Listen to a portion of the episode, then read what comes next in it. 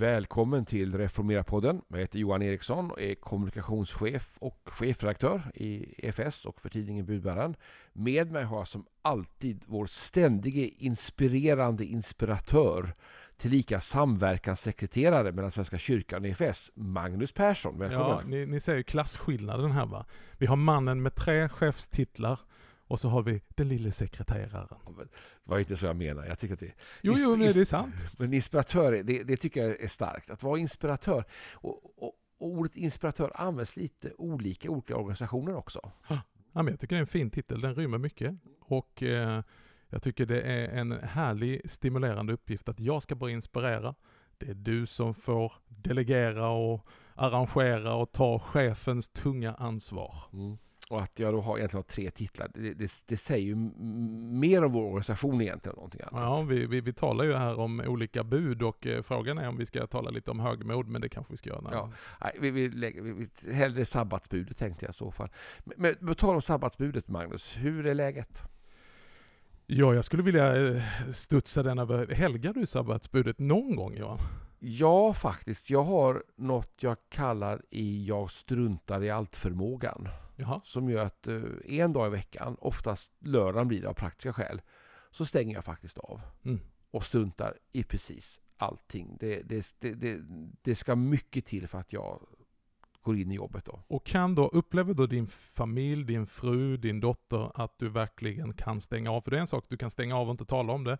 Men ligger det och gror och, och kokar i magen och du mår lite dåligt och du känner att Oj, det här är, ja, man ska vara brutalt ärlig så är det ju så att det beroende på hur veckan har varit så kan det ibland vara så att uh, man landar, att, att man kraschlandar in i lördagen och det egentligen tar det är först på söndag eftermiddag man är riktigt fri från alla, mm. alla saker som måste bearbetas mentalt och då ska man börja förbereda veckan som kommer. Så att Ja, sabbatsbudet är i fara ibland. Mm. Helt, helt klart. Och jag tror att frågar min familj så skulle de säga att det absolut är så. Mm.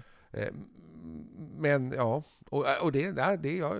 Och här kan vi knyta till första budet, att vi inte ska göra några gudar jämte Gud. Mm. Att vi tror ju att vi är, vi är bättre än Gud, för till och med Gud mm. vilade ju. Ja, och vi måste lösa. Och det, och det är också ärligt talat då att lägga problemlösningen på mig är ju en form av avgudadyrkan på ett sätt. Precis. Det upphöjer min egen förmåga och inte våga lita på Gud. Och det blir en otros synd också. Om man ska bygga på syndakatalogen här så syndar man i båda ändarna här faktiskt. Det blir väldigt tung start på det här. Ja. Men vi tar lite musik och så kanske det blir bättre sen.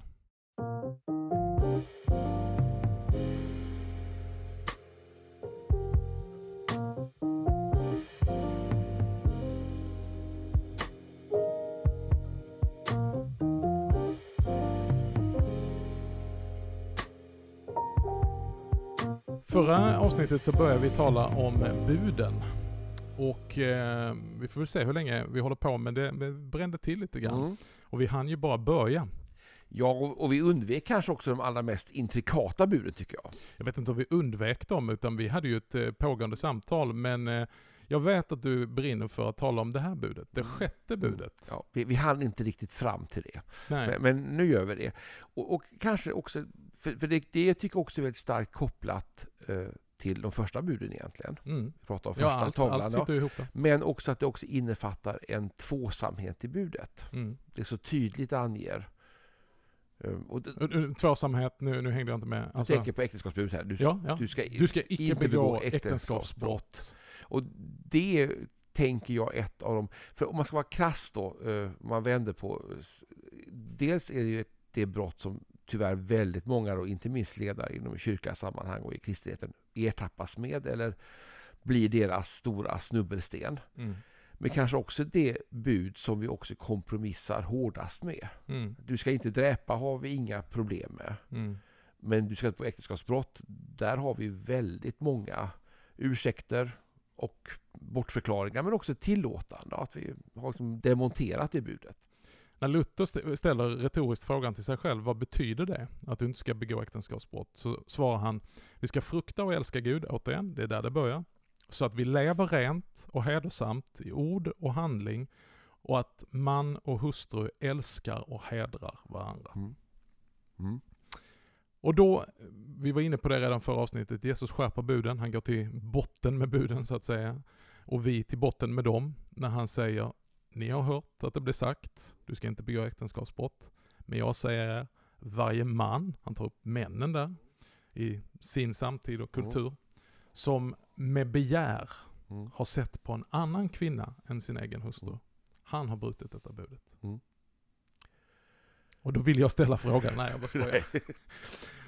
Men då känner jag så här, ja, finns det något, då, då, då, har vi ju enligt Jesus brutit detta. För jag utgår ifrån att även du, min fromme broder, har sett med begär på en annan kvinna som inte är din kvinna. Ja, och jag tänker att för många tror jag att det är snarare en fråga om om man ska vara riktigt ärlig, hur många gånger per dygn det, det händer. Mm. Snarare än om det händer. Mm. Eller hur man ska välja och definiera vad som är den här gränsen. Det, den är ju, I vår samtidskultur som är så extremt sexualiserad så kan det vara väldigt svårt. Och, det, det, du möts hela tiden av typer av budskap. Eller både öppet och subtilt. Så det blir ju där du ständigt konfronteras med din otillräcklighet inför lagen. Mm. Men där jag tänker också att lagen är så enormt viktig för att peka på en felaktig riktning i ditt liv. Det är ju som mm. ett skydd. Alltså mm. lagen är ju inte bara en massa påbud vad vi inte ska göra. Utan det vill ju skydda den goda gåva som Gud har gett oss. Det som är bäst för oss. Det som är Guds goda vilja för ett gott mänskligt liv. Eh, och vi vet ju alla vilken smärta och hur det trasar i sönder när all form av otrohet. Mm. Mm. Ja, löftesbrott. Och ja. Det här är ett av de tyngre löftesbrotten. Eh, och det är också då lagens tredje bruk, som vi pratade om tredje gången. Det också blir så uppenbart att det är så viktigt att förhålla sig till lagen på det lutherska sättet. Ja, det lutherska sättet är ju då att, att faktiskt komma inför det här Jesus säger och, och erkänna sin synd och, och bli avslöjad. Så att jag får gå med den synden Eh, när begäret har växt i mitt hjärta, när jag har liksom blicken har hängt fast för mycket eller när jag helt plötsligt börjar söka tröst som vi talade om i förra avsnittet. Att det här kan ju verkligen vara ett område där människor söker tröst mot någonting som är fel i själen. Eh, det vill säga att jag söker fylla ett behov som bara Gud kan fylla. Det försöker jag fylla med någonting annat. Och enligt det här budet så kanske det är att jag tänker att ja, om jag liksom tittar utanför mitt äktenskap och ser någon annan som skulle kunna fylla det behovet. Och det kan ju många vittna om som har försökt det och sagt nej, det, det, det kan inte fylla det begäret jag har. För djupast sett så är ju begäret vi har efter Gud. Mm. Ja, men jag håller med. Och, och, och, och dock så blir också syndens progressivitet väldigt pedagogisk i just det här sammanhanget. Och nu får du utveckla det. Hur menar du att synden är, för jag tror du är på någonting, den är progressiv? Alltså att den utvecklas. Det ska vi höra mer om.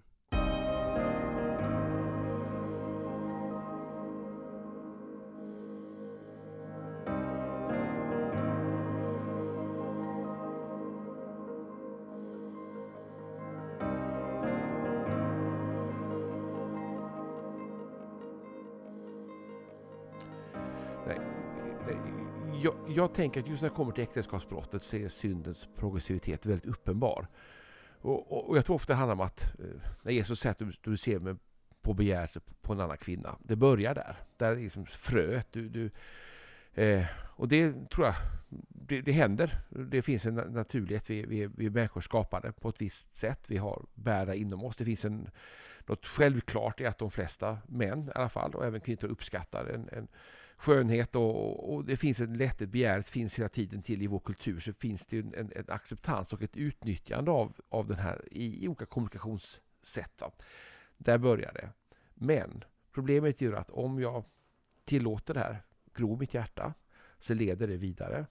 Eh, idag kanske det leder in i ett, låt säga ett porrberoende, internet fyller mina tankar. Det leder sen till ett destruktivt beteende som i och med att det är progressivt så kanske leder till att du folk söker kontakt med någon.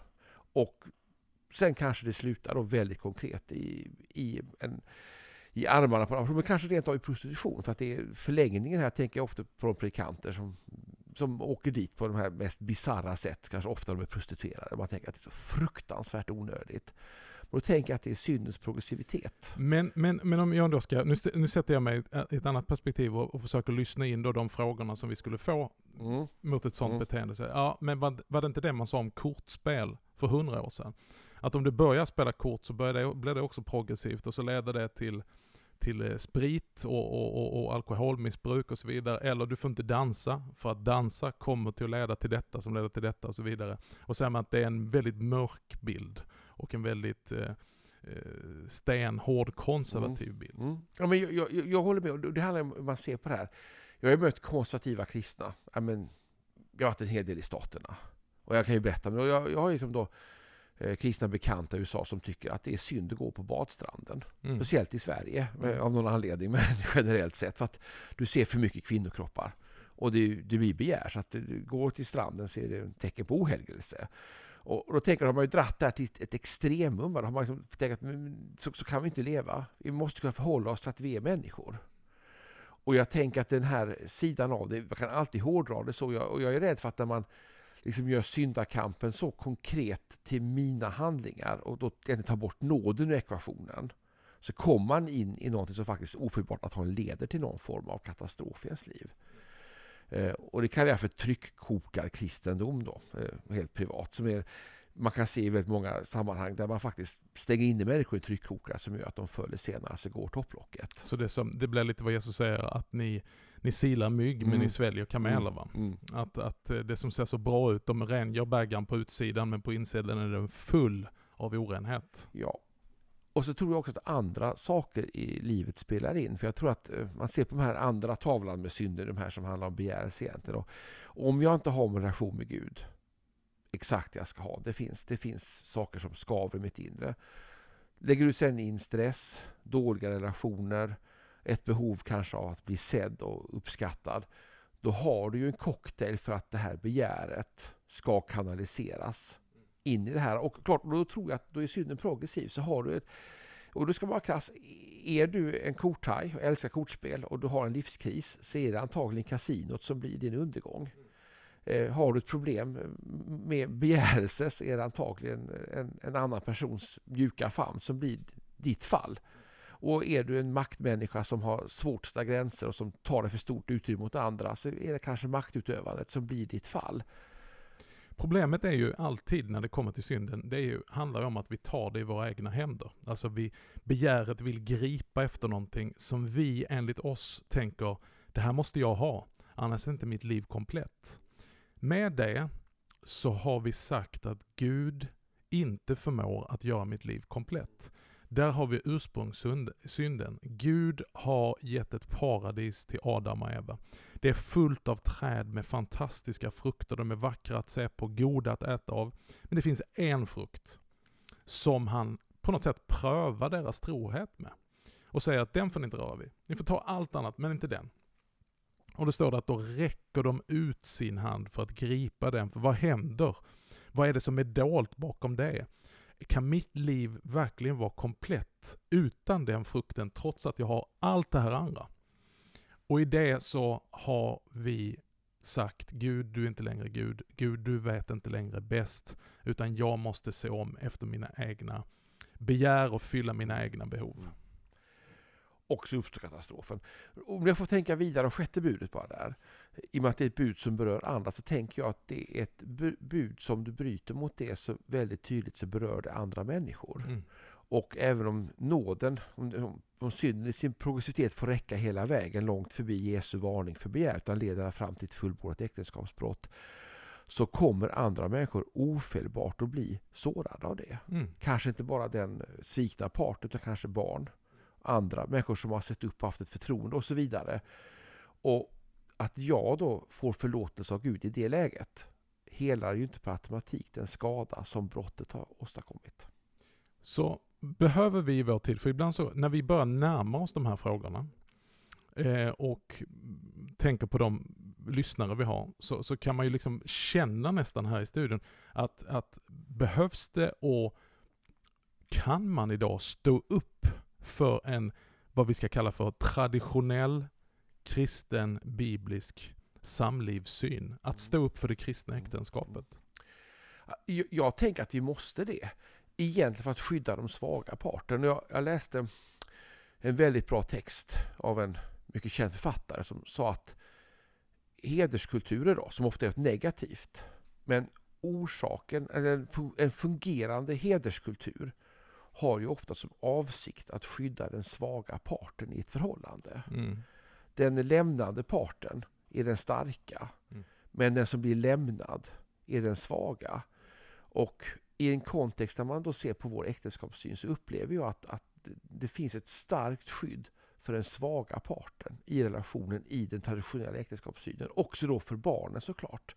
Som ofta är då helt utlämnande. Och jag tänker att det är viktigt. Och ska man vara jättekrass, väldigt, väldigt många av de problem som vi brottas med i vårt inre, men också i samhället, bottnar i trasiga familjer, trasig mm. uppväxt, mm.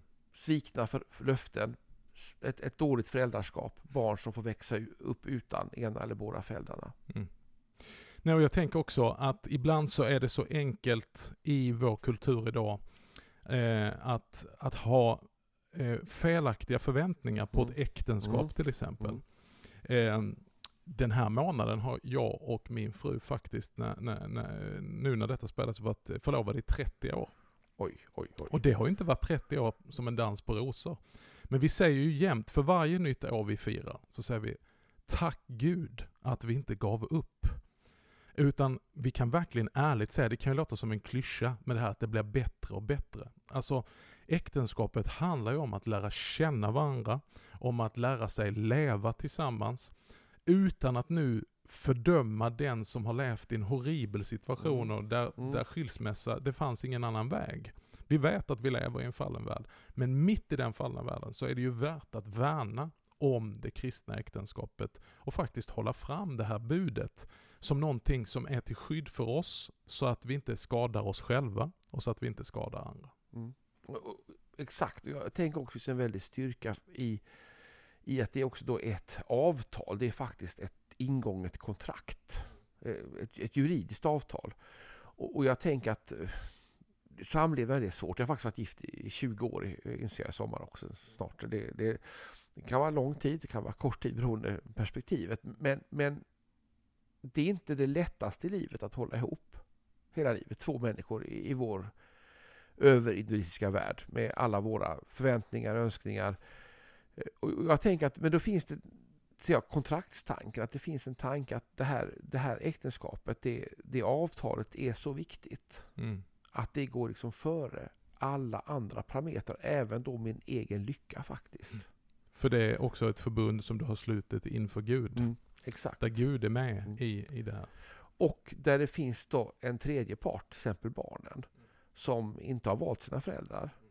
Men som har rätt till en trygg och säker uppväxt. Och, och jag tänker också på hur mycket våra bilden av våra föräldrar också präglar vår gudsbild. Mm. Ja, vi lever ju också i så många, alltså det blir ju komplicerat för det är så många andra relationer också som inte finns direkt i familjen, men det man kallar för extended mm. family. Alltså varje relationssammanbrott blir ju ofta, eh, får ju skalv så att säga, får ju Eh, ringar på vattnet så att det förstör eh, ibland hela eh, gemenskapen. Och, och, kan ta väldigt lång tid att komma igenom.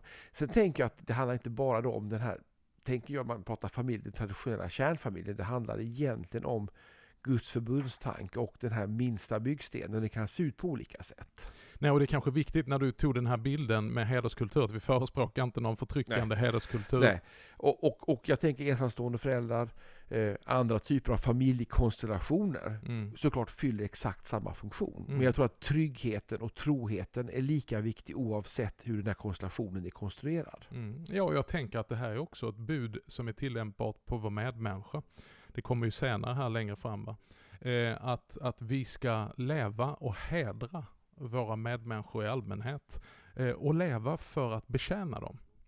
Eh, och inte bara för att rycka åt oss, för det är ju det som är det fula med begären. Det begäret är ju sådant att jag ska ha dig. Du ska göra någonting för mig. Du ska tillfredsställa mig. Du ska göra mitt liv komplett och därför så hatar jag det här eh, eh Tom Cruise-citatet när han är American football coach eller vad han är. You complete me. What a lot of crap. Det finns ingen människa här på jorden som kan complete you. Only God can complete you.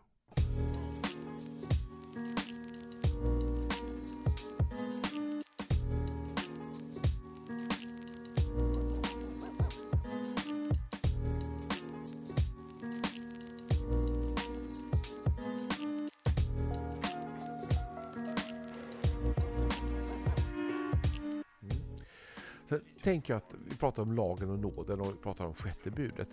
Men det tänker jag också vikten av att förlåta varandra.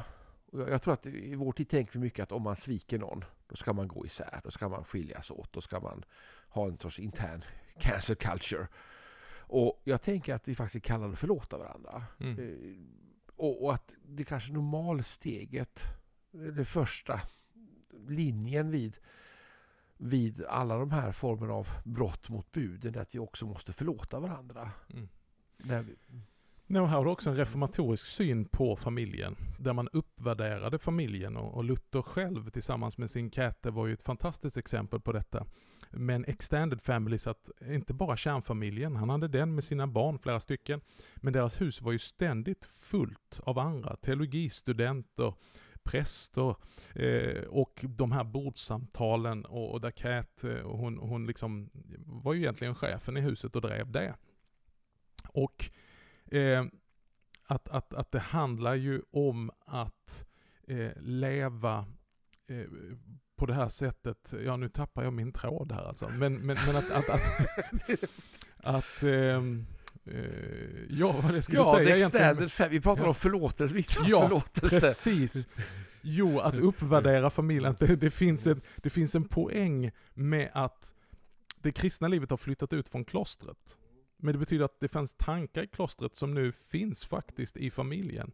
Där jag blir helgad, där jag blir fostrad och formad i gemenskapen, slipad helt enkelt. I, i, i, äktenskapet, i familjen. Man kan ju tänka att man är jättehelgad, men så gifter man sig. Och, och, och, och, det, och det triggar ju inte bara eh, romantik, utan det tar ju också till ytan, oj, här stöter jag i någon. Och så kan man ju höra, vi är så olika. Ja, fast alla människor är olika. Och jag har näst, jag tror vi knappast jag har mött någon eh, i ett äktenskap där man bara säger, vi är precis lika. Mm. Och så, sen tänker jag också, när man pratar just äktenskapet och sjätte budet, kopplingen till första tavlan. Jag tror att äktenskapsbrott är så tydligt då, men det, det, det kan börja i att ha ett mindre fokus på familjen och tänka mer på sig själv, på arbete, på andra saker.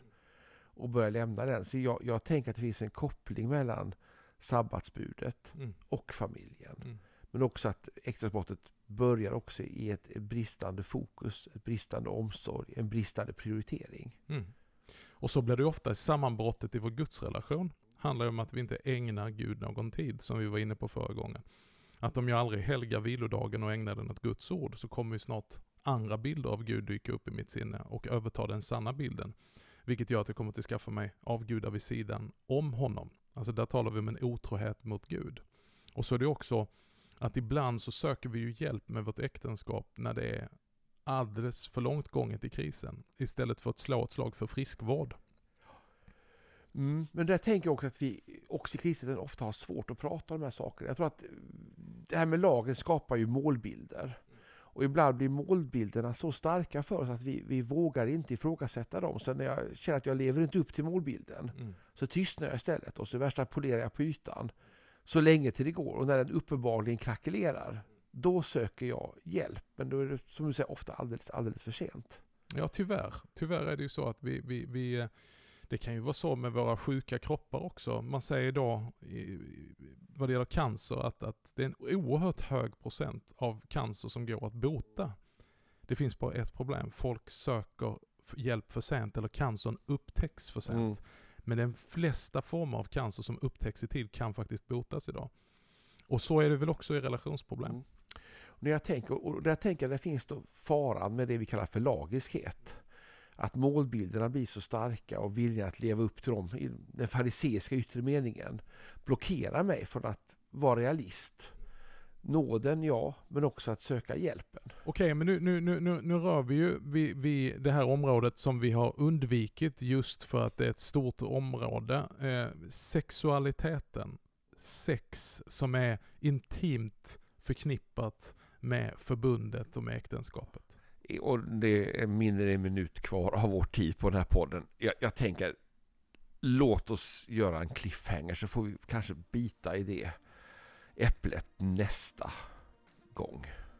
Du menar att vi, eh, sex säljer. Så att vi säger att Ja. eh, missa inte nästa avsnitt. Ja, ungefär så. Och, och, det är, och det är komplext som du säger. Så jag, jag tänker här, här måste vi väga på guldvåg och vi behöver, vi behöver våra 30 minuter för att landa den frågan tror Ja, jag. det är nästan orättvist mot oss själva. Och naturligtvis finns det många frågor kvar och det finns andra perspektiv på det här vi har talat om.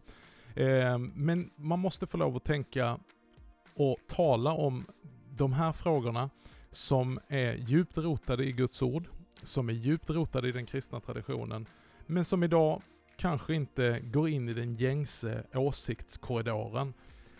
Nej, och jag tror många av problemen som vi pratat om här nu bygger på att faktiskt inte, vi vågar inte prata om det. Nej. Mm. Så istället för att eh, tiga så vågar vi tala. Och tala ska vi fortsätta göra nästa avsnitt. Tills dess så kan du följa oss på sociala medier. Re formera på Twitter, Facebook och Instagram. Instagram. Och eh, håll utkik på vår Mm. fasteblogg som Ja, vi har på reformera.net. Kom tillbaka med åsikter. Vi tar tacksamt emot all feedback inför nästa avsnitt. Tack ska ni ha för idag. Guds rika välsignelse.